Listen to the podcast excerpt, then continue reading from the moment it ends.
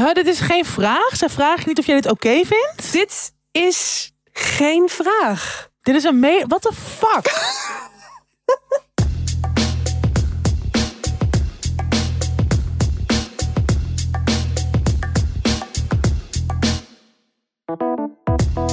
En welkom bij weer een nieuwe aflevering van Tussen 30 en Doodgaan. Aflevering 120 alweer op afstand.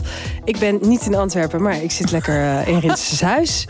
Er staat nog in het draaiboek van vorige week. Ik ben eindelijk weer in Antwerpen. Ik ben eindelijk nou, weer in Antwerpen. dus. Nou, dat was dus van korte duur inderdaad. Ik ben, uh, ben weer bij Rinsen. Uh, want ik Fijn. heb straks een fotoshoot. En ik merk dus dat ik het Oh. nog... het is voor Trouw, voor een interview dat, dat komt in Trouw.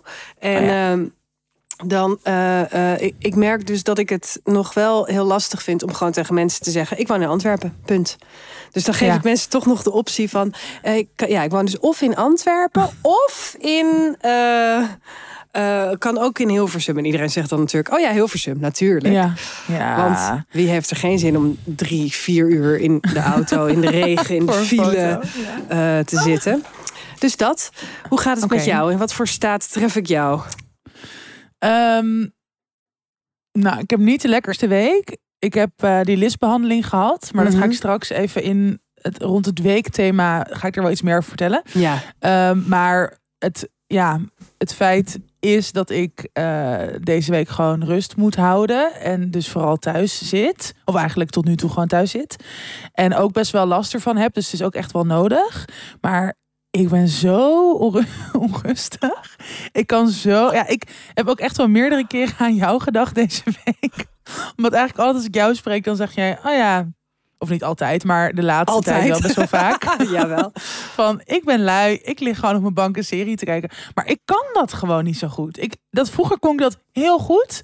En nu, zelfs nu ik gewoon dus mentaal en fysiek ja, gewoon niet helemaal lekker in de wedstrijd zit en dus ook gewoon nodig heb, vind ik het zo moeilijk om me daar over te geven. Ja. Ik heb gewoon zo de hele tijd zo'n onrust, weet je wel. En ook dat ik dan alleen maar denk, oh ja, maar ik moet nog dit en dit en dit doen. En het zou goed zijn als ik dit zou doen. En dan ben ik, of ik ben dan zo geneigd om allemaal klusjes in huis te doen. Maar ja, dat is ook niet per se. Ik moet gewoon echt Dat is ook liggen. geen rust. Precies. Dus dat, um, dus ik ben, nou, gisteren was ik helemaal soort lijp aan het gaan. En toen dacht ik, oké, ik ga, ik heb tijdens de lockdown, tijdens COVID nog, heb ik een boek gelezen. Dat heet My Year of Rest and Relaxation van Otessa Moshfegh. dacht ik, misschien is het een goed moment om dat eens te gaan herlezen. En gewoon een soort, maar dan proberen mezelf te forceren om ook in zo'n soort lethargische staat te komen. Waar het hoofdpersonage in verkeert. Ja, precies. Nee, maar dat werkt altijd. Jezelf dwingen om in een bepaalde staat te komen. Werkt supergoed. Ja. um, nee, wat ik, ik vanochtend uh, was ik eerst zo in de regen gaan wandelen. Wauw. Melodramatische mood tot en met. Maar dat was eigenlijk best wel fijn. En toen, daarna ben ik een beetje zo in...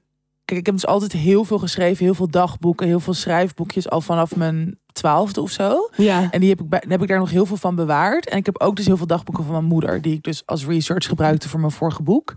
En ineens dacht ik, wow, ik heb echt zin om daar weer even in te duiken. Dus ik heb net gewoon zo'n paar uur dat ik gewoon zo... een beetje zo ging bladeren. En allemaal dingen teruglezen. En bij sommigen dan heel erg zo... Gadverdamme, wat de fuck was ik hier aan het doen? Of hoe schreef ik? Gewoon zo lelijk, zo pathetisch. Kan je een voorbeeld geven? Um, nou, nee. nee. kan je een voorbeeld geven? Nee. Nee.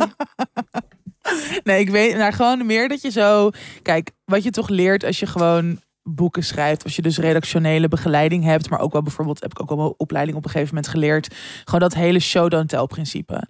Dus dat je gewoon een soort ja, om zo beeldend mogelijk iets te vertellen zonder dat je helemaal invult wat bijvoorbeeld personages dan precies denken. Zeggen. Of zeggen, precies.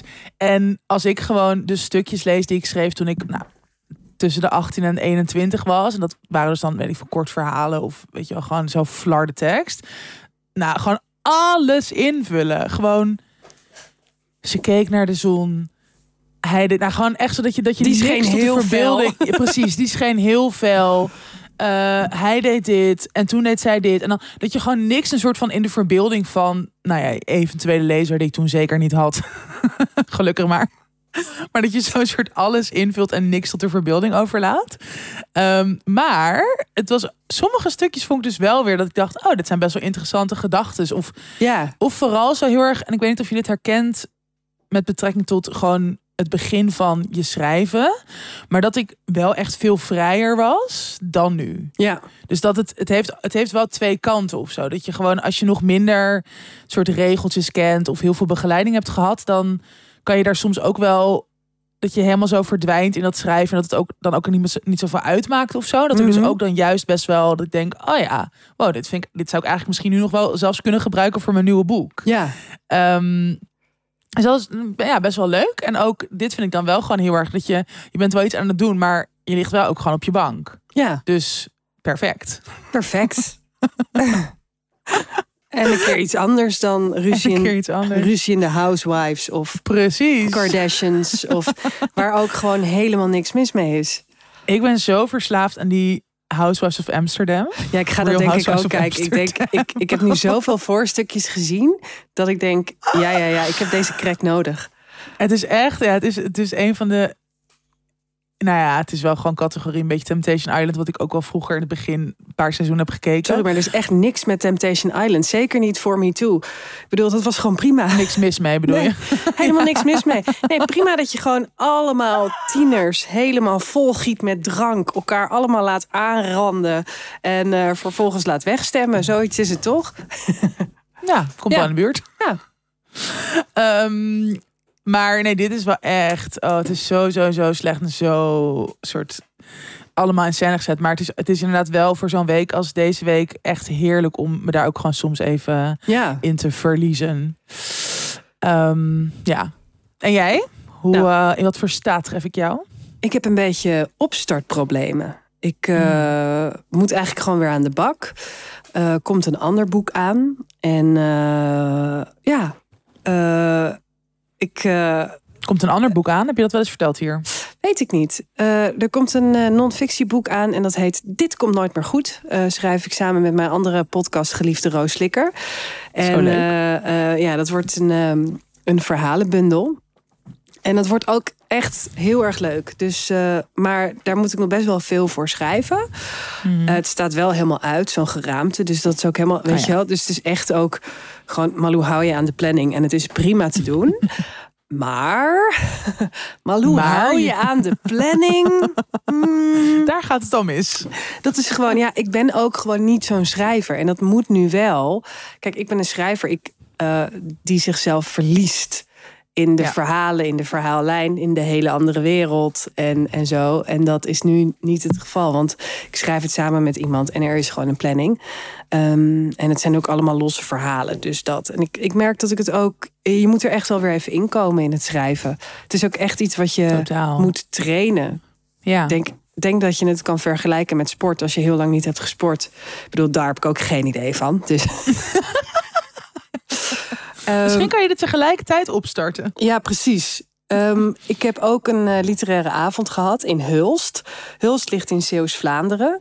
Ehm, Oh, dat was voor mij eh 34 minuten in de auto. Oh ja. En voor. Vanuit Antwerpen is dat fucking Ja. dichtbij. Ja, dat is dus heel grappig, want ik coördineer dus ook nog niet vanuit Antwerpen. Dus ik heb Nee. er naartoe geleefd van, oh ja, ik heb ergens heel ver een ehm, literaire avond. En ook, het was met hotelovernachting. Bla, bla. Ik ging kijken hoe ver Oh het ja. was. Dat ik, oh, het is een half uur. Dus ik kan ook gewoon thuis slapen in plaats van in een of ander zo afgelegen hotel. Oh Eh, ja. eh, voor Tommy Wieringa was het vier uur rijden. Ja. ja. Ik heb een keer een residentie gedaan in Zeeuws-Vlaanderen. Dat was gewoon, moest je ook met een soort boot en zo nog. Dat Ja. echt alsof je naar het Waddeneiland gaat En eigenlijk. ook zo de Breda-bus. Dat is dus een begrip. Eh, Ja. De Breda-bus. Ik kwam andere schrijver. Echt zo intens. Ja, Peter Santing die kwam met de Breda-bus. Oh ja. Eh, en het was, ehm, eh, het was een avond in Hulst. We werden geïnterviewd door de plaatselijke cabaretier en de burgemeester. Wat echt Oh, wat leuk. ontzettend leuke vrouw was. Heel jong. Hele jonge vrouw. En ehm, nou, de hele zaaltje de hele zaaltje zat vol met, uh, met mensen. Het was nou, een soort sportcomplex. Dus er waren ook sporthallen, waren ook mensen zo aan het badmintonnen en zo. En, wow, heel grappig. Ja, het was heel grappig. En op een gegeven moment waren zo, zijn er nog vragen uit het publiek? En toen kregen we de klassieker, namelijk de vraag: kun je ervan leven? Oh. En dat was heel grappig. Uh, want uiteraard kan ik niet leven van het schrijven. En uiteraard kan Tommy Wieringa wel leven van het wel schrijven. leven van het schrijven. nou, ik niet. Nou, ik wel. Klein verschil. Ja, precies. En Peter die had net verteld dat hij ook gewoon uh, journalist is voor NRC. Maar ja. het was een hele leuke, vooral een hele lieve en warme avond. Uh, dus dat, dat, is dan, ja, dat is dan toch uh, ontzettend leuk en gezellig. Ja. Dus, ja, um, en verder, ja, denk ik, ik kan of vanmiddag nog een heel verhaal schrijven, of ik kan de Housewives gaan kijken. Ja, en ik heb dus, daarom ben ik hier, uh, zometeen een fotoshoot. Dus dat zei ik al, maar ik zit dus dat heb je al gezegd. onder. Nee, maar de, wat ik dus oh, wil, die wil zeggen, dat mijn eczeem helemaal oh, magische vormen heeft aangenomen. Het zit nu ook onder mijn arm. En in Oh, mijn nee. holtes van mijn elleboog. Dus ik heb, uh, ja, ik probeer er maar laag voor laag overheen te smeren. Wat dus ook weer ontzettend pijnlijk is.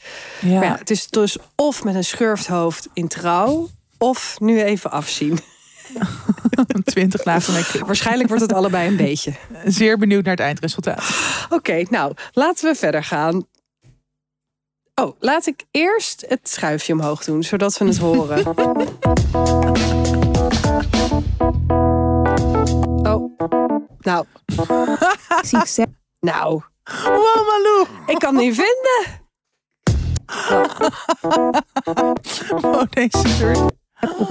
Ik word helemaal lijp. Oké, okay, daar gaan we. Oh my god, ik kan niet meer nadenken. Mijn Ja, hersenen zijn je- door elkaar heen ges nee, geshaked. wel nee. Daar gaat hij. Your attention, please. This is an important announcement. Ja, tijd voor weer een grote favoriet waar we altijd graag mee samenwerken. Storytel. Ja, en de dagen worden korter. Het is een kriemel om je door al die regen en grijsheid naar buiten te wanen. Ja, ik doe dat dus echt makkelijker als ik weet dat ik een heerlijk hoofdstuk uit een fantastisch luisterboek kan afluisteren. Ja, ja, herkenbaar. Ik heb het dus vanochtend nog gedaan toen ik zo door de regen ging. Dat ik dacht, oké, ik heb iets nodig wat me er doorheen gaat slepen. Nou, dat wordt een boek via Storytel. Uh, op Storytel vind je de grote klassiekers. Van spannende romans tot allerlei non-fictieboeken. Die wij graag gebruik, gebruiken als naslagwerk. Bijvoorbeeld voor onze eigen boeken als research of voor artikelen die we schrijven. Maar ook poëzie, autobiografieën, kinderboeken. Nou, echt voor ieder wat wils. En naast die duizenden luisterboeken heb je dus ook een tal aan e-books. Um, ja, dat vind ik ook wel echt een hele fijne uh, uitvinding. Dat je dat dus heel erg makkelijk kan afwisselen. Nou, alles komt dus echt samen op dat Storytel-platform. En er zijn ook heel veel Storytel originals. Die echt exclusief voor en door Storytel zijn gemaakt. En alleen daar te beluisteren of te lezen zijn. Ja, en zoals uh, een van die dingen is uh, een nieuwe reeks Orgasme. Uh, ja. Die afgelopen week live is gegaan. We hebben er een fragmentje van. Zo leuk. Hij is dus wel mee naar beneden gekomen. Doe niet zo flauw, roep ik hem toe. Ik kom er ook in. Onder luide aanmoedigingen van Leila en Monty, die verderop in het water aan elkaars lijf hangen, loopt hij kalm en bloot het water tegemoet. Zijn pik opgetogen en stijf. Woe! Clarice Gagar, zijn pik. Ja. Jouw friend, Ja, Clarice. inderdaad. Ja, Die heeft oh. alles ingesproken. Ja, heel Um, mooi. Ze heeft een prachtige stem. Ze heeft echt een prachtige stem. En ook, um, Ja, het zijn ja, dus- het is. Ja, sorry. Vertel maar, wat is het eigenlijk? Wat is de orgasmereeks eigenlijk? Nou, het is uh, de derde reeks, dus er staan er nog meer op. Het zijn allemaal hotte verhalen vanuit verschillende perspectieven. Um, dus niet van, alleen vanuit heteroseksueel perspectief, maar uh, waar traditionele porno vaak om het mannelijke genot gaat. Uh, en ook met perfecte lijf. En nou ja, goed, hier hebben we het natuurlijk al heel veel over gehad. Maar bij deze ja, erot... dat we dat heel saai vinden en voorspelbaar.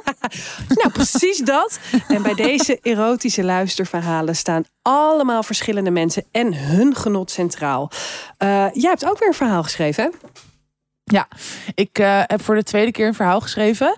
En het was best wel, zeg maar, bij de vorige edities moest je volgens mij een verhaal schrijven van ongeveer 15 minuten. Maar nu was de opdracht dat je een verhaal schreef van ongeveer een uur. Maar dat is echt fucking lastig bij zo'n erotisch verhaal. Want je moet natuurlijk, je wil überhaupt alle spanning opbouwen. Maar als het een soort van uur lang dat je wel mensen geboeid wil houden. eh, maar ook niet dat ze dus meteen, weet ik veel, na vijf minuten klaarkomen. Ehm, mocht je, nou ja, dat willen. Ja. Ehm, maar dat is gewoon best wel, dat is echt wel een opgave. Maar ik vond het voor mezelf een hele leuke oefening. En ehm, ja, ik heb een hot verhaal geschreven dat zich in New York afspeelt. Surprise, surprise. en ehm, ja, ik ben er heel blij mee. En ik vind het inderdaad, het is leuk dat er zijn volgens mij maar vier, best wel een kleine groep. Vier schrijvers hebben dus een verhaal geschreven. Allemaal van een uur. Het allemaal door Clarice ingesproken. En ja, ik ben gisteren eh, eh, begonnen aan het verhaal van Daan Borrel. Mhm. Ehm, vriendin van de show. Vriendin van de En ik show. vind gewoon haar überhaupt als schrijver heel goed. Maar ook bijvoorbeeld Moshe Teveli heeft ook een, een verhaal geschreven. En eh, ja, gewoon volgens mij kwalitatief goed. Maar ook dus gewoon inderdaad heel spannend en hot. En ja, nou, wat jij net ook al zei. Gewoon het is zo fijn en zo'n verademing om vanuit die verschillende perspectieven ero ja, erotiek eigenlijk eh, mee te krijgen. En wat ik heel fijn vind altijd is eh, gewoon het luisteren naar erotische verhalen. Zodat je gewoon veel meer die eigen beelden erbij kan creëren. In plaats van dat je zo door de strot wordt geduwd. Ja, gewoon in inderdaad filmpjes. Ehm, dus ja, ik ben er erg enthousiast over. Ook lekker voor je zoekgeschiedenis. nee, nee, nee. Het was gewoon storytell. Ja, precies. Ja. Dus allemaal voordelen. Lekker die orgasme-reeks reeks, eh, bingen. ja. Wat ook En eh, ben, jij nog, ben jij nog iets aan het lezen? Nou, ik heb eh, natuurlijk eh, Yellowface heb ik helemaal gelezen en geluisterd. Het was ook heel Ja. fijn om dat af en toe af te wisselen. En ik ben dus nu eigenlijk nog wat hoofdstukken aan het terugluisteren. Wat natuurlijk ook heel Oh. fijn is. Dat ehm, eh, ik ben er nog zo over aan het nadenken over dit boek. Over wat ik ervan Ja. vind en sommige stukken. En ehm, eh, dus ik ben nu sommige, sommige stukken even opnieuw aan het luisteren. Even in een andere setting. En eh, ehm, ja, dus dat is nog steeds een, een hele grote aanrader. We hebben natuurlijk dat boek van Lammert Kamphuis eh, gelezen gelijk aan je of eh, verslaafd aan je eigen gelijk. Eigen gelijk, ja. Ja, de extra aflevering. ja, en ik zit- Ook echt een grote tip. Ja, dus ik zit nu eigenlijk weer een beetje in de non-fictie filosofische hoek te bladeren. Dus ik heb wat Oh ja. dingetjes op mijn lijst gezet waar ik straks weer aan ga beginnen. Ik vond het toch, dat heeft wel weer iets aangewakkerd bij mij. Ja, en bij het mij komt, ook. komt ook omdat die Yellowface zo goed ben, vond, dat ik nog niet echt helemaal eh, toe ben aan een nieuwe roman. Ken je dat? Oh ja, dat ken ik. Ja, dat je echt nog een beetje zo in die wereld wil blijven rondhangen of zo. Ja, precies. Ja, en niet helemaal er afscheid van wil nemen van die personages. Ja, dus eh, ik eh, ben voorlopig nog wel even zoet. En jij? Ja, lekker. Ehm, ja, ik ben nog steeds... oh, ik vergeet de hele tijd die titel met de ooievaar. Die titel met die ooievaar. De ooievaar en de dromedaris. Mhm. Die ben ik aan het lezen. En ja, ik vind dat gewoon zo'n mooi boek. Oh nee, het lied van Ooievaar en de Dromedaris. Mhm. Nou, dat is het. Van Anniette Daanje. Eh, ik vind het gewoon zo'n mooi boek. Dat ik eh, eigenlijk wat jij dus nu hebt naderhand. Daar ben ik nu al bang voor. Weet je wel? Dat het dan straks afgelopen is. Ja. Dus ik wissel dat af. Nou, bijvoorbeeld met zo'n orgasme-reeks. Maar zoals vanochtend dat ik zo lekker door, de, door, de, door het herfstpark aan het banjeren was. Dan vind ik het wel echt heerlijk om dat gewoon met een roman te doen. Dat je zo ja, echt een beetje in die dreamy, romantische vibes komt. Ehm, dus daar is dat boek echt perfect voor. Dus ja, nog steeds eh, een grote tip. En nou ja, ik denk dat we nu alweer genoeg inspiratie hebben gegeven. Maar mocht je toch nog wat richting nodig hebben. Wij hebben een hele mooie boekenplank voor je klaarstaan. Want juist omdat het aanbod van Storytel zo groot is, is het soms wel lekker om een beetje genavigeerd te worden. Eh, je vindt er dus allerlei tips in verschillende genres, maar ook onze eigen luisterboeken, door onszelf ingesproken. Dus van mij is dat knap voor een dik meisje en ik zal je nooit meer. Van jou is dat zacht op lachen. Ja, en ik ga binnen... Staat alleen een duizend mensen erop? Nee, Nee, nog niet. Nee, eh, die komt eh, na de kerst komt die eh, Oh. online. Dus ik ga hem Dat is binnenkort... ook een goede periode om dan, ja. Ja, ik ga hem binnenkort eh, inspreken. En ik zit nog eventjes te bedenken of ik dat... eh, de vraag kwam van, wil je het dan alleen doen in een, in een hokje... of wil je het met een regisseur doen? Oh En ja. ik zit dus heel... ik ben natuurlijk heel preuts. Dus ik denk, ja, oh shit... dan moet ik dus straks al die seksscènes voorlezen met iemand Met erbij. een regisseur erbij. Terwijl ik ja. vind het eigenlijk heel fijn om met een regisseur in te Ja. lezen.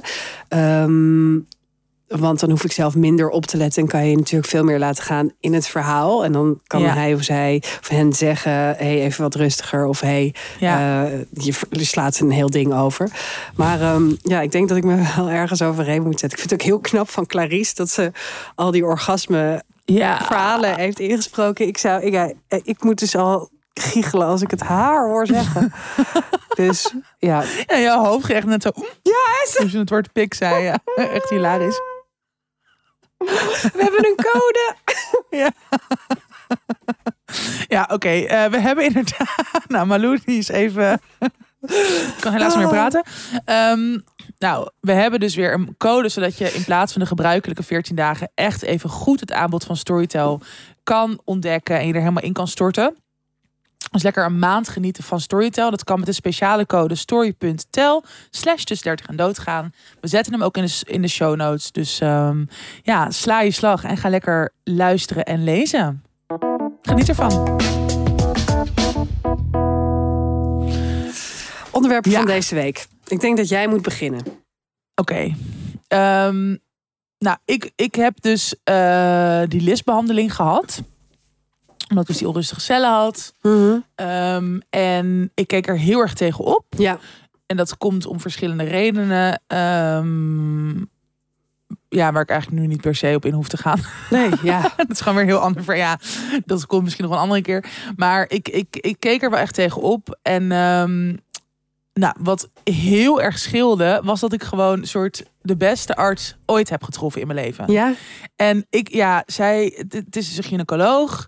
En eh, nou, ik ben daar voor het eerst, denk ik, dus ongeveer een jaar geleden eh terechtgekomen.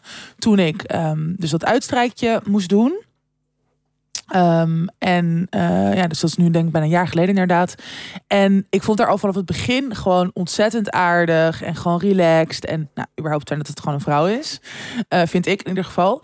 Maar zij heeft zich gewoon een soort van ook toen ik zo net voordat ik naar Amerika ging, dat het toen dus weer even zo spannend was. En dan, ja, toen vond ik er echt wel gewoon zo begaan en betrokken. En, ehm, en nu heeft, ja, het heeft gewoon een soort, het spande de kroon deze keer. Ik kwam Ja. daar aan en eh, nou, echt wel heel gespannen. Eh, een van mijn beste vriendinnen Lizzie was mee. Dat was echt super fijn, heel lief. Dus zij zat in de wachtkamer. En, ehm, en, maar die dokter, ja, ik weet niet. Zij, ik, ik ben gewoon echt een soort fan van haar geworden. Zij, zij voelt nu gewoon voor mij alsof zij gewoon een soort. heb je een crush op je gynaecoloog? Ja, ik heb wel een beetje, maar gewoon niet zeg maar crush, crush, maar zo bewonderingscrush. Ja. Weet je, wel? dat ik gewoon denk: wow, hoe kan jij bestaan? Ja, En het zit hem heel erg in dat ze en heel, heel kundig is gewoon in. Weet je wel, al. Ik heb zoveel dokters getroffen die niet eens oogcontact maakt. Die Ja. een soort van niet echt, weet je wel, dat je gewoon je niet serieus genomen voelt. Zij maakt altijd oogcontact. Ze is gewoon, ze legt altijd alles super helder uit. Eh, altijd van. Is het oké? Weet je, voel je oké? ja. Eh, en daarnaast is ze gewoon enorm empathisch en gewoon fucking lief. Dus ze ging gewoon meerdere keren zo even mijn hand vasthouden of gewoon even zo mijn arm aanraken of gewoon echt contact maken. Ja. En dat heeft me zo erg geholpen, want nou die ingreep, ja, jij hebt hem ook gehad. Mhm. Het is natuurlijk, het is niet per se een pretje. Nee, Het is gewoon een super rare gewaarwording dat je, nou, ik had nog geluk dat ik überhaupt ik zit dus bij een soort kliniek is het in plaats van een ziekenhuis. ja. Dus dat vind ik al een veel fijner idee. Dat je dus niet in zo'n massaal ziekenhuis bent. Waar ik ook allemaal ja, toch weer nare connotaties heb. Maar gewoon in een soort fijne, kleinschalige kliniek. kliniek gewoon in de stad. Ehm, maar ja, je komt wel gewoon een operatietafel of kamer in. Met, een opera met zo'n enorme ja, ding waar je op moet liggen. ja het is net Grey's Anatomy. Het is net Grey's Anatomy. Je, je moet je voeten natuurlijk gewoon in zo'n beugel doen. Maar die zijn veel groter. En dan worden ook nog je voeten soort vastgebonden. Ja, Ehm, en het is natuurlijk gewoon met hitte. Dus je krijgt zo'n pleister op dat je... Ben je dan juist wel of niet geleid? Nou, dat je niet in ieder geval een soort shock kan krijgen. dat je geen elektroshock kan krijgen. ja. Eh, en op een gegeven moment ja, gaat zij daar bezig. Nou, ik heb dan die prikjes, dat is dan, weet je wel, verdoving. Mhm. Nou, dat vond ik allemaal best nog wel meevallen. Maar ook omdat zij dan bijvoorbeeld zegt, hoest gewoon nu een paar keer. Dus dan, dan voel je minder al die pijn. Dus qua pijn was het echt, echt best wel prima te doen. Maar op een gegeven moment begin je gewoon zieke rooklucht. rooklucht te zien en te ruiken. ja. En ja, het is gewoon een super lijp idee dat het dus gewoon, ja, dat, dat je soort van kut baarmoeder soort in de fik staat een Ja, beetje. gewoon een Dat barbecue. het gewoon aan het schroeien is. Ja, dat, dat die was ook een co-assistent bij die ook echt een schat was.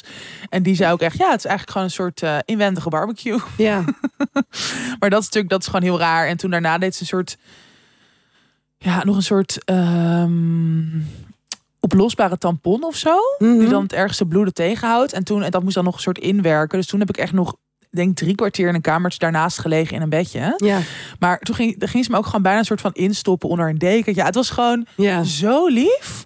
Gewoon, maar ja, mijn hart werd gewoon echt een beetje verwarmd. Dat ik dacht, oké, dit is allemaal heel naar. Eh, of dit is gewoon niet prettig in ieder geval. Maar dat er gewoon dit soort mensen op dit soort posities werken, Ja, dat is gewoon echt een van de beste dingen in de wereld. Of, Mhm. Ja, ik weet niet, dit klinkt nu allemaal heel, heel eh, ehm, overdreven, maar Nee, het voelde het echt zo. het is niet En- overdreven, want het is ook. Je, uh, het is eigenlijk het aller, aller, aller kwetsbaars. Want je bent bij kennis en mensen Ja. gaan iets wegbranden in, eh, in je buik. En ze gaan binnen naar binnen via je vagina. Ja, weet je, Ja. ik bedoel, ik weet niet wat meer kwetsbaar is. Want nee, maar ik bedoel, bij een operatie ben je, ben je vaak onder zeil. Daar ben je er niet bij. Ja, daar ben Maar je er dit is- niet bij. Ja, het is. En je ruikt wat er gebeurt, je hoort wat er gebeurt. Ja, Ehm, ja het, is een heel, het is een heel rare gewaarwording. ja. Maar ik, ja, ik heb best wel vaak, ik heb best wel veel nare ervaringen eigenlijk met hulp- en zorgverleners. Heel erg vanuit eh, discriminatie omdat ik dik ben. Ja, En daar hebben we nu toevallig was deze week was dat ook het thema bij dikke vette leugens. Ik heb hem gezien. En, eh, oh ja. Ja. Ehm, dus daar, nou, daar ben ik dus best wel veel mee bezig geweest. En daar heb ik ook echt best wel een beetje een soort, nou, niet een kan je een voorbeeld noemen voor mensen die dat filmpje niet hebben gezien?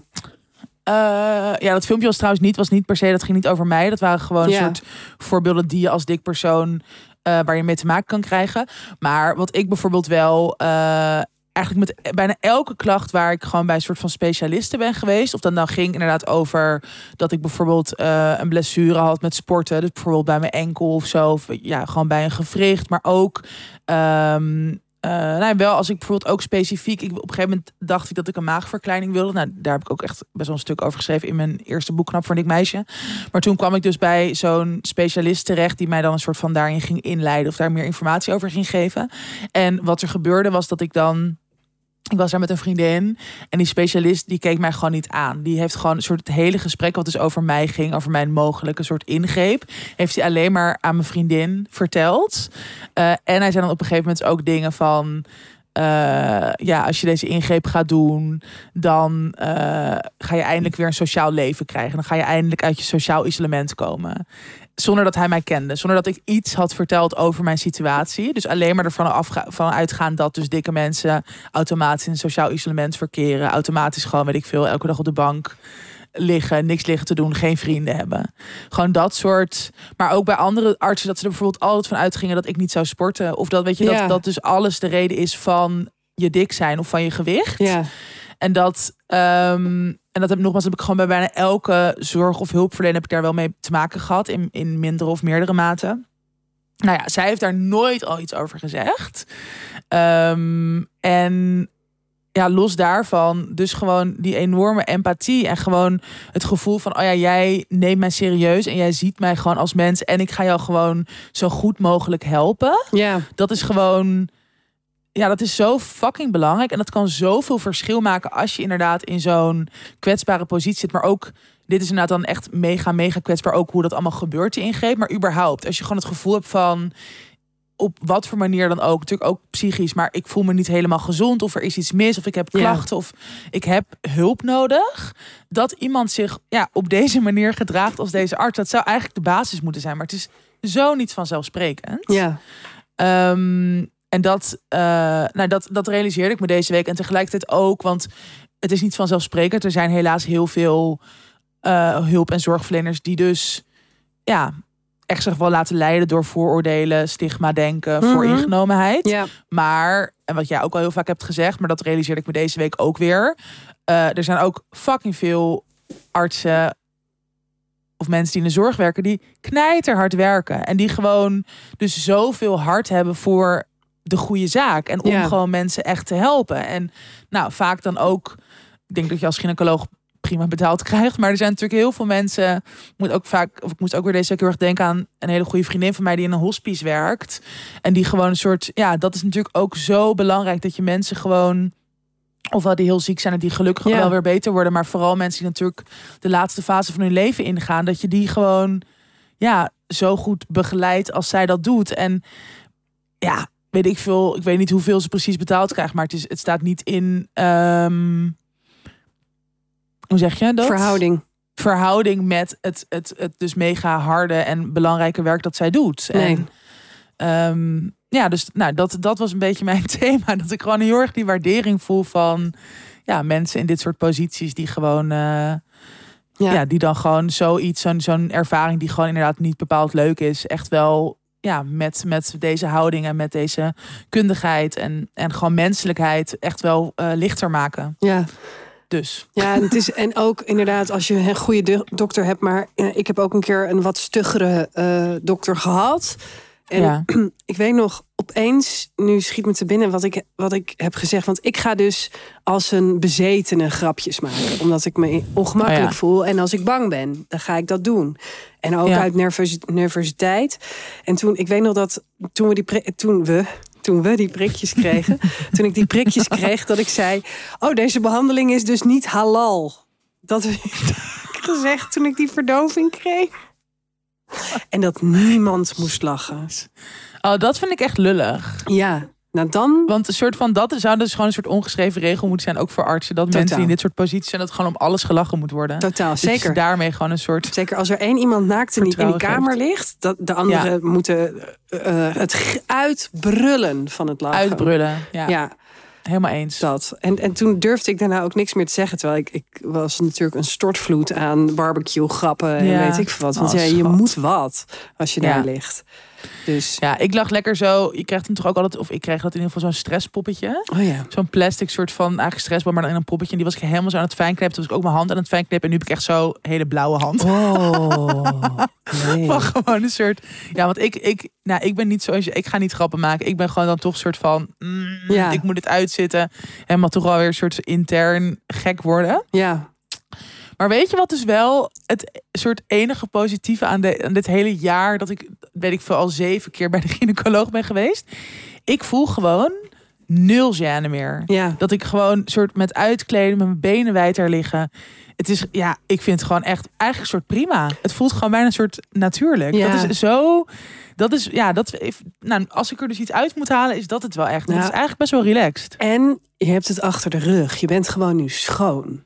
Nou, dat Dat- weet ik niet, hè, schat. Nou ja, je krijgt straks, eh, als ik moet, het ik heb nog wel straks die uit, eh, uitslag over twee weken. Dus daar ben ik nog wel een beetje gestrest over. Ja. Maar ik ga het zien. Maar dan Als heb, dat in ieder geval goed is, dan heb je het eh, achter de rug. En dan, eh, ja. dat, dat is wel echt ontzettend prettig. Want Ja. elke keer die drie maanden en die drie maanden Ja. en die drie maanden.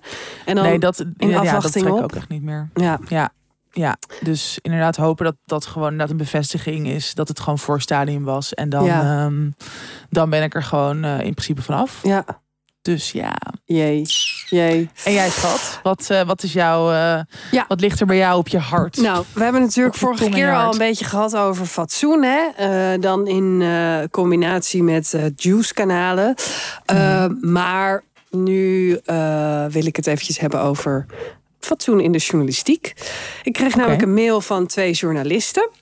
Mhm. Ik ga ze nu eventjes eh Peppy en Kokkie noemen. Eh, en Peppy en Kokkie hebben mij een tijdje geleden geïnterviewd. En ik kreeg eh, een mail van Peppy en Kokkie. En ik ga, zij, ik ga deze mail even voorlezen. Hoi Malou. Leuk. Het is alweer een geruime tijd geleden dat wij, Peppy en Kokkie, je spraken in het kader van onze interviewserie. Hopelijk gaat het je goed. In de loop van de tijd en we de interviews en we de interviews publiceerden, merkten wij dat ze tot troost waren voor talloze lezers. Elk verhaal riep een stroom positieve reacties op. Toen een bekende uitgeverij, Peppy en Kokkie, dit jaar liet weten de reeks graag te willen bundelen, leek ons dat dan ook een goed idee. Maar we doen meer dan de vraaggesprekken simpelweg in een boek samenbrengen. We hebben een handvol deskundigen gevraagd om speciaal voor de bundel een essay te schrijven. Medewerkers zijn onder andere Donald Duck, Woody Woodpecker en Kermit de Kikker. De bundel verschijnt in februari 2024. Eind dit jaar, begin volgend jaar, sturen we je vanzelfsprekend graag een uitnodiging voor de presentatiebijeenkomst. Huh, dit is geen vraag. Zij vragen niet of jij dit oké vindt. Dit is geen vraag. Dit is een me... What the fuck?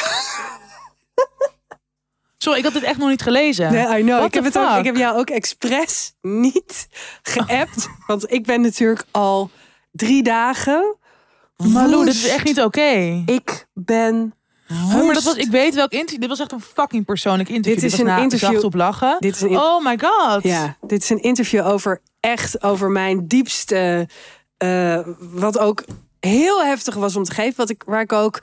Nou, ik weet ook nog steeds niet of ik er echt achter stond dat ik het heb gedaan. En het is dus ongevraagd in een boek terechtgekomen. En het allerergste is dat eh, mijn agent meteen heeft gemaild met... nou, dit is niet overlegd en eh, Malou wil dit niet. Nee. En dat ze gewoon niet reageren.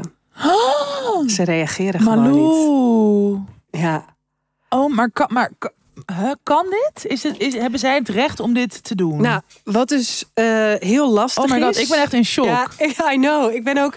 Nu ik het maar weer hoe lees... kan je als mens ook gewoon zo zijn dat je dus dat ze zelf soort van zeggen van oké, heel veel lezers waren hierdoor geraakt en troost en bla bla. Maar dus dan niet soort van zelf het vermogen hebben of daar scheid aan hebben Ja. om soort van te realiseren dat het voor jou fucking intens was en is. En dus niet eens gewoon een soort de vraag: is dit oké? Ga je hiermee akkoord? Een soort van. Zij verdienen wow, hier geld aan, hè? Zij verdienen hier geld aan, hè? Ja, het kan echt niet. En ik had eventjes, want je hebt natuurlijk de Raad voor Journalistiek, waar je dat soort dingen kan opzoeken. En Ja. wat ik heb kunnen vinden is dat er staat: eh citaten uit interviews worden niet, eh, mogen niet worden gebruikt in een andere context dan de geïnterviewde mocht verwachten, gelet op wat hem of haar door de journalist werd medegedeeld. Wanneer de aard of de inhoud van de publicatie eh, in de loop van het redactieproces zodanig wordt gewijzigd dat niet meer wordt voldaan aan wat de geïnterviewde redelijkerwijs mocht verwachten, moet hem of haar opnieuw toestemming voor publicatie worden gevraagd. En volgens mij gaat het om, als je kijkt naar de aard van de Ja, publicatie, totaal andere aard. is natuurlijk nu een boek waar zij geld aan verdienen. Laat ik dat Is nog een keer zeggen. dan een krant Dus, of tijdschrift. Ehm, ja. Volgens mij mag het niet. Als je het eh, kijkt volgens het recht. Kijk, zij hebben het auteursrecht op dat stuk. Zij hebben dat stuk geschreven. Dus volgens mij eh, eh, eh, zitten we daar los van dat je gewoon te maken hebt met een fatsoenskwestie. Precies. Ja, Maar ik ben nog steeds dus helemaal in shock. ja, dat snap ik. En ook dat er niet Jezus, meteen Mina. contact met mij wordt opgenomen. nee. Gewoon nee, dat ze gewoon niet reageren. dat ze gewoon niet reageren. Erg hè? Oh my god, wat heftig. I know. Het is, ik ben, ik ben, ja, en ook, ik wil het echt niet. Nee. Ik wil niet dat mijn verhaal ehm, over mijn trauma, over mijn familie en over mijn oma vooral, ehm, dat dat in de krant, of dat dat in, In een een boek, boek, ja. terechtkomt. Ja. Ik wil het niet. Het mag Nee. niet. nee, en dat is ook gewoon je goed recht. Wat de fuck. Maar ik ben dus, en ik merk dat het heel erg doorwerkt. Ik heb net ruzie gemaakt met mijn moeder. Eh, weet je, je merkt gewoon dat als er een bepaald stukje controle van je wordt weggenomen, dat je Ja. je heel wankel voelt. En dat je Ja. echt een beetje om je heen gaat slaan van wat gebeurt hier? En nou, ik kan maar niet. Ik kan er maar niet over uit hoe ontzettend onbeschoft dit oh is. my god. En dat ik je ook dus niet. en dat je er dat dat dus het, eh, eh, waarschijnlijk, ja. En ik, je gaat dus ook de hele tijd allemaal dingen invullen. Van wat, wat denken ze dan? Denken ze dan dat iedereen die nu dat mailtje krijgt... echt een gat in de lucht springt van... wauw, ik sta in het boek van Peppy Ja. en Kokkie. Weet je dat? Ik, ik denk dat ze dat denken. Ik denk echt dat zij denken... nou, we hebben eventjes eh, heel veel interviewers geïnterviewden... waaronder Malou... Ontzettend blij gemaakt. Wat een eer. Wat een Ja. eer voor Malou Holshuizen dat zij in het boek van Peppy en Kokkie terechtkomt. Naast eh, al die anderen. Dat denk ik. Of ik denk, misschien denken ze, ik schiet gewoon met hagel. En eh, we doen net alsof dit de gang van zaken Ja. is. En mensen durven En er dan toch wel, niks van te eh, zeggen of zo. Maar ook gewoon Ja, je krijgt een uitnodiging voor de boekpresentatie. Sorry, maar ik heb nog nooit een bijdrage geleverd aan een boek dat je er niet voor betaald Nee. wordt ook. Ik bedoel, wij, ik, Nee. wij hebben allebei bijvoorbeeld voor Damn Honey van Blossom Books hebben wij eh, verhalen geschreven. Ja, dat Horny, wordt ja. super goed. weet je, er wordt gewoon ja, een heel mooi geregeld, factuur. voorstel. ben je oké? Je krijgt het terug. Je krijgt een opmaak. Je krijgt het te zien. Wil je op de foto? Alles wordt zo ontzettend zorgvuldig en goed gedaan. En dit is gewoon, en het, en het zijn twee, dat kan ik wel zeggen, gewoon oude witte mannen. Ja. Die dus denken, en ik, ik had het erover met. eh, iedereen. Nee, ik had het erover met, eh, met wat mensen. En iemand zei van ja, bij dit soort dingen kan je ook denken van eh, eh, misschien kan ik het ook gewoon laten gaan, weet je wel. Maar ik bij dit, ik wil het echt niet. Nee, maar het, gaat, het is ook nog het eens is dat geen het, zeg principe maar, ding. Ik Nee. wil het echt niet. Nou, het voelt gewoon echt niet goed voor jou. En ik denk dat het ook, zeg maar, als het een, een interview zou zijn over een heel ander thema, dan zou je ook misschien nog kunnen denken van, Hey, super Eh, asociaal, maar. ja, precies, asociaal, want ik krijg je niet voor betaald. Wat de fuck denken jullie wel niet? Maar nu is het ook nog gewoon iets wat zo, eh, ja, wat gewoon een fucking kwetsbare kwetsbaar thema is en waar je gewoon heel veel bij voelt en hebt gevoeld en wat je misschien ook op bepaalde momenten juist weer wil afsluiten en het soort van als het dan Zeker. straks in een boek komt, is het gewoon een soort van In een boek. Ja. Die gasten zijn En ook nog eens, je weet ook niet, zeg maar dat ze zeggen, we gaan niet alleen maar een bundeling doen, maar er komen ook essays en zodat je, je weet niet wat mensen gaan schrijven. Het Precies. is een soort van, je hebt nul controle of nul zeggenschap hierin. Dat is echt, je wordt, ja, je wordt gewoon niet serieus genomen. Dat is echt, oh my god. Ik voel me zo Dat zij gepasseerd wel en niet. echt zo ontzettend genaaid en zo kwetsbaar. En ehm, ja, eh, het, het is echt belachelijk. Echt Het is belachelijk. echt belachelijk. En eh, Maar goed, als het goed is, kan je dus wel op dat recht eh, eh, beroepen, omdat het gewoon dus een hele andere gedaante is. ja, ehm, en mensen moeten dan wel even reageren. Ja. Nou, in, dit in dit geval is het wel, of in heel veel gevallen, maar wederom heel fijn om dus een agent te hebben. Dat je dus soort van, ja, dat zij op een gegeven moment dan misschien maar gewoon een soort stalking offensief of gewoon moet gaan bellen, weet ik veel Nou wat ja, allemaal. Maar Echt heel fijn om ehm, ook mijn Ja. uitgeverij Ambo Antos eh, en Miranda Bruinzeel, dat is mijn agent, die dus ik appte het gisteren nog naar ze. Ik zei, ik ben zo blij dat ik met jullie ben. Want ze staan zo ontzettend achter mij. En eh, zullen ja, dat, ook blijven doen. alles. Ik heb, dat zijn geen mensen die zeggen... hey, maar weet je, zo'n uitgeverij kan ook denken... ja, maar goed, eh, je boek wordt er wel weer in genoemd. Dus stel dat dat boek eh, door 10, 20.000 mensen wordt gelezen... die worden dan ook weer door jou... nee, het is gewoon nee, jij voelt je er niet oké bij. Dus dan nee. niet. Ja, ja. Maar heftig, hè? Heel heftig. En ja, ik ben echt, eh, echt een beetje flabbergasted. Dat ik denk, wow, hoe bestaan dit soort mensen nog? Een soort, Ja. wat, de- wat denk je? Gewoon echt, wat denk je? Ja, goed. Ik bedoel... Echt bord voor hun kop. Nou, nu was het natuurlijk ook een van de twee mannen die eh, voordat hij mij ging interviewen, mij een mailtje stuurde met het Ja. onderwerp kennis. En allemaal blurbs over hoe goed zijn eigen boek was stuurde. En, en dus belangrijk vond dat ik daar even kennis voor nam, voor, zo, voordat hij mij ging interviewen. Dus kijk, eh, wat dat betreft dacht ik dat ik bij In dit soort zin. dat soort mensen nergens meer van opkijk. Maar dat is dus niet zo. Ze Oh. blijven je verrassen. Ze Ja, blijven not in a good way. Not in a good way. Dus eh, ja, eh, wordt vervolgd. Laat ik het zo zeggen. Ik nou, hou eh, zeer iedereen benieuwd. op de hoogte. Holy fuck. En eh, laten we in godsnaam doorgaan naar iets leuks.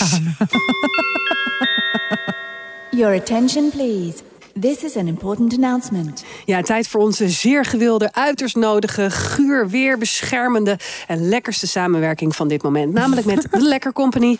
Want, zoals ik vorige week en net ook al meldde, het eczeemseizoen is begonnen. En dat betekent dat mijn huid in ieder geval bijna niks meer verdraagt. En dat in combinatie met gure wind, keiharde regen in je, in je gezicht en kou vraagt je tere huidje om eerlijke, zuivere producten op je gezicht, handen en okselhuid.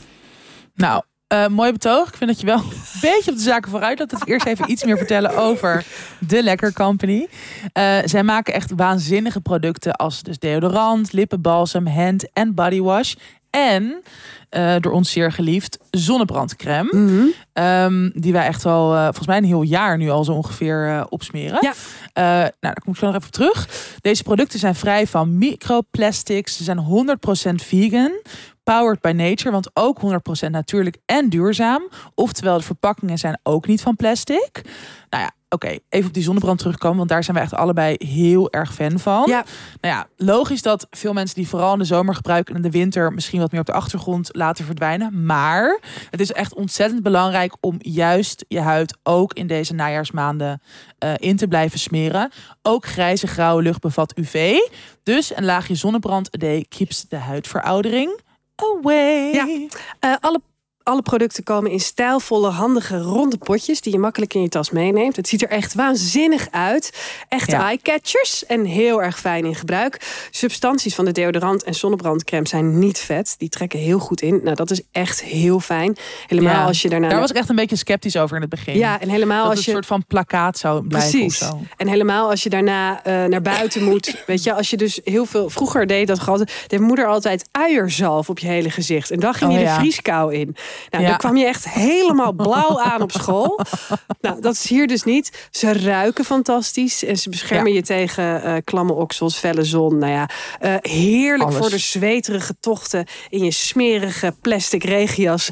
Ehm, mijn favoriete is momenteel de lippenbalsem. Die ik tegenwoordig ook gewoon dus doorsmeer naar mijn neusvleugels. Oh ja. daar is het ook zo helemaal ruw. Oh, zo schraal. Ja, Ja, ik vind, ik heb ook altijd die lippenbalsem eh, bij me. Ik vind het inderdaad, het, het helpt echt heel goed tegen een soort van, ook tegen roodheid of zo. Ik heb inderdaad ook wel vaak, ja, ik heb het dus laatst echt.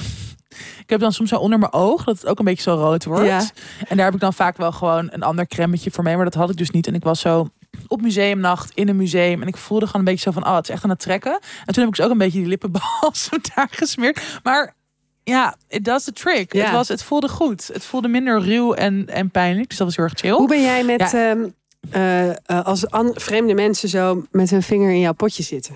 Trek jij dat? Oh ja, ja, ik trek dat wel heel goed. Oh ik ben echt sharing is caring, meid. Oh. Jij zeker niet? Eh, nou, het hangt er echt vanaf wie. Ja, ik ja. vind het gewoon sommige Zou ik het mensen. mogen doen? Ja, jij mag het wel doen. Oké, Misschien. dankjewel. Nee, Dat scheelt. Nee, ik ben geen goormens. nee dat weet ik. ik was echt mijn handen. Ik ben, nee, ik ben echt wel hygiënisch. Ja. Ja. Persoon. Een hygiënisch persoon. Anyway, eh, wij hebben eh, naast dus die favorieten die we nu al een tijd gebruiken. De deo gebruik ik trouwens ook elke dag. Ja. Ehm, hebben we ook weer een, eh, ja, een deel uit de nieuwe collectie gekregen. Inclusief een nieuw pareltje. Namelijk waanzinnige bodybars. Eh los dat je, van dat je niet hoeft te klooien met je verpakkingen in de douche. ehm, en ze gewoon naast een mooi zeepakje in je douche of naast je wasbak kan leggen. ehm, hebben we ze dus ook getest. Mhm. En we zijn allebei daar ook echt heel erg enthousiast over. Eh, de bodybars zijn heel zacht na gebruik. Eh, waar zeep soms je huid uitdroog blijft het na gebruik van deze bars super schoon. En inderdaad gewoon een soort smooth geval. Nou, het ruikt ook echt weer heerlijk. Ja. En ik vind het dus ook gewoon heel leuk eruit zien eigenlijk. Gewoon inderdaad in zo'n cute bakje. Ja, het heeft gewoon een soort nostalgisch gevoel wekt het bij mij op. Ja, hè? Ehm, ik heb eh, de bodybars ook in de keuken liggen om handen mee te wassen. Oh. Want ja, met Oh, zo'n zo'n pompje, met je vieze handen aan dat pompje, eh, dat. En nou ja, nu met dat gure weer eh, buiten op je fiets, handschoenen vergeten, uiteraard. dan is het echt lekker hoor, dat je gewoon hele lekkere, zachte handen hebt zonder Zachte, kloofjes. poezelige handjes. Ja, dus eh, Ja. anyway. Anyway, nou, eh, het, mag, eh, het mogen duidelijk zijn, wij zijn erg fan. Ehm, het hele assortiment is te vinden in de webshop van De Lekker Company op www.delekkercompany.com, waar je jouw favoriete producten in jouw favoriete geuren kan aanschaffen. En Met de code LEKKER20, dus het woordje lekker en dan 2-0, LEKKER20, krijg je 20% korting op het gehele assortiment van The Lekker Company. Ja. Dus sla in die lippenbalsem, eh, wees lief voor jezelf, voor je vrienden, eh, deel het en kies wat nieuwe geuren deo uit, zodat je iedere tegenwind fris en fruitig aankomt op je locatie. Nou, alle producten zijn ontzettend fijn om dus mee te nemen. We hebben ook al gezegd, ehm, heel handzaam, gewoon in je tas. Of in al je jaszakken, regenjassen en kampeerbroeken. Sorry, ga jij kamperen deze winter? Dat is toch leuk? Maar die zijn nu heel erg in. Nee, maar die broeken zijn nu heel erg in de mode met al die zakken. Dus ik noem dat Ja, altijd kampeerbroeken. Maar dan kan je dus nou, ook cute. allemaal lipgloss in doen. En ik heb wel oprecht vrienden die dan zo'n camper hebben. Oh ja. En die dus echt gewoon ook in de herfst nog gaan kamperen. Oh. Uh, Oh. Dus ja, in, oprecht in hun kampeerbroeken komt dit mooi eh, van pas.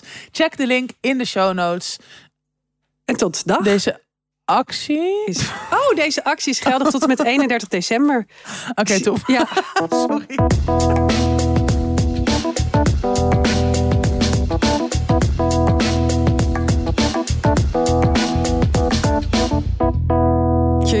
Lang. Wow, wat een lange. ben slaap gevallen. Ja. Eh, tips. Ja, ik tip het nieuwe album van Anouk. Mhm. Het heet Dina en Jim. En het is echt... Ja, het is gewoon ook weer een soort trip. Ik heb natuurlijk laatst ook al het album van Wenne Snijders getipt. Waar ik volgens mij ook zei, het is echt een soort trip. Het is echt een soort therapie. Ja, maar, meid, Maar dat is dit album gewoon weer. Ja, dat, dat, ja, mensen maken nu dit soort albums en het is geweldig. Ehm, en ja, dit album van Anouk, het, ik vind het heel vet. Het heeft een heel best wel een soort bombastisch gevoel vaak, want het is met een enorm orkest. Eh, soms hoor je ook van die soort interludes dat het bijna lijkt alsof je gewoon een soort Mozart-opera aan het luisteren bent, met gewoon zo of met zo'n filharmonisch orkest of zo dat je dat hoort. Ehm, maar er zitten ook best wel een soort kleine liedjes in. En het gaat nou, onder andere heel erg over eh, na gebroken harten of na eh, ja, relaties die dan misschien minder goed waren, om je dan weer opnieuw open te stellen en iemand wel te vertrouwen en je soort van kwetsbaar op te stellen en nog in de liefde te geloven. En nou, daar heb ik het ook best wel vaak over gehad de afgelopen maanden. Dat het voor mij ook wel een themaatje was slash is. Eh, wat tegenwoordig veel beter gaat, gelukkig. Maar dat, ja, ik, ik, ik herkende me gewoon wel weer in veel. En ik, ik vind gewoon, ik ben eigenlijk al sinds mijn tienerjaren best wel fan van Anouk. En vooral ook heel erg in hoe ze zich steeds weer opnieuw ontwikkelt. En gewoon zoveel verschillende sounds natuurlijk heeft gehad. Of heeft geprobeerd. Of daarmee experimenteert. En eh, daar, dit album is gewoon weer een heel, een, ja, soort heel nieuwe era, voelt het. Ehm, dus, eh, en het, het past ook wederom heel erg goed bij het najaar. Gewoon bij een soort, zit best wel wat zwaarte ook in. Dus gewoon, ja, ik heb het de eerste keer volgens mij echt een avond zo op mijn bank geluisterd. Dat Ja. je dan helemaal zo erin kan duiken, weet je wel. En dat, ehm, ja, Ik dat vond ik heel Ik had hem lekker. ook op en het is zo filmisch dat je zo bijna zo... Ja. Malou Holshuizen, Huiskamer, de movie. Ja. Het is echt waar. Het is inderdaad heel filmisch. Ja, dat is Ja. echt een goede, een goede, hoe zeg je dat? Observatie. Goeie tip. Goeie tip. Ja, en jij? Ik tip de podcast Paul is Dead van Philo Bos en Luc Sorneel. Eh, het zijn eh, DJ's van 3FM. En het is een podcast over complottheorieën eh, in de muziekindustrie. Dus, ehm, nou. er zijn dus heel veel mensen die geloven dat de muziekwereld aan elkaar hangt van schimmige rookgordijnen en bizarre cover-ups. En in deze podcast duiken Luc Sorneel en Philo Bos in deze bizarre cons conspiracy eh, in de muziekindustrie. Dus eh, ja, absurde muziekmythen worden eh, ja, laagje voor laagje afgepeld. En in de eerste aflevering gaan ze eigenlijk onderzoeken of ehm Avril Lavigne is vervangen door een dubbelganger. Huh? Ja, dus Oh my god, I love Avril Lavigne. I know, ja. Ehm, eh, nou, er zijn dus mensen die, eh, die ervan overtuigd zijn dat Avril Lavigne is eh, vervangen door iemand anders op een bepaald moment. En dat gaan zij dus helemaal ontleden. Het is echt, ja, dit is echt een podcast voor jou.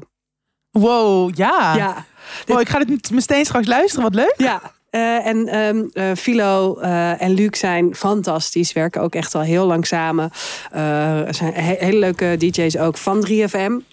En nou, dus iedere week een nieuw mysterie waar zij induiken. Eh dus ik ben benieuwd wat er nog komt. Waarschijnlijk Oh, gaan ze ook. kijken of Elvis nog leeft. Waarschijnlijk. Waarschijnlijk. Tupac, Biggie, Ja. gewoon iedereen even nog onderzoeken. Oké, wow, vet leuk. Goeie tip. is dead, heet het. Paul is dead. Ja. Oké. Oké.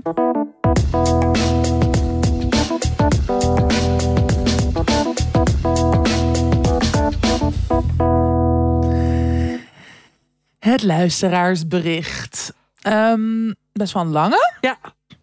Dag Tatjana en Malou. Met veel ple- plezier luister ik wekelijks naar jullie podcast. Na zoveel inzichtelijke adviezen hoop ik dat jullie je voor mijn dilemma, over mijn dilemma willen buigen. Van jongs af aan heb ik weinig vrienden gehad. Terwijl nu veel mensen van rond de 30 deel uitmaken van een vriendengroep die is ontstaan op de middelbare school of tijdens de studie, is dit niet aan mij besteed. Onder andere omdat ik in het buitenland heb gestudeerd. Soms vind ik het heerlijk om alleen te zijn. Ik duik namelijk het liefst met een boek op de bank. Mensen vind ik vaak gedoe. Mood. Als psycholoog is na een werkdag mijn sociale tak zo bereikt. En via WhatsApp contacten onderhouden is niet mijn sterkste punt. Net als Tatjana gooi ik mijn telefoon het liefst uit het raam. Waarvan akte. Het is niet dat ik volledig als kluizenaar leef, hoewel dat heerlijk klinkt. Ik sport graag en ik zit in een wekelijkse theatergroep. Op deze plekken ontmoet ik nieuwe en vaak leuke mensen. Maar toch merk ik dat deze contacten vooral oppervlakkig blijven en zich niet ontwikkelen buiten de lessen. Ik durf ook niet om mensen buiten deze activiteiten uit te nodigen, uit angst dat de ander hier geen behoefte aan heeft. Iedereen lijkt immers al een eigen vriendenkring te hebben. En als ik dan toch iets heb gepland, doe ik dat op de dag zelf. Doe ik dat liever op de dag zelf. Of doe ik op de dag zelf liever een dutje, sorry. Hoewel ik zeker de voordelen van mijn vriendeloze leven zie, kan het ook eenzaam zijn. Wanneer ik behoefte heb om met iemand iets leuks te doen of een bijzonder moment te delen, dan ben ik afhankelijk van enkele mensen die ik van vroeger ken. Zij wonen allemaal in een andere stad, hebben daar een eigen vriendengroep, waardoor we vaak maar een paar keer per jaar kunnen afspreken. Hoe balanceer ik mijn behoefte om mezelf op te sluiten met mijn behoefte aan goede vrienden, met wie ik spontaan en met regelmaat kan afspreken?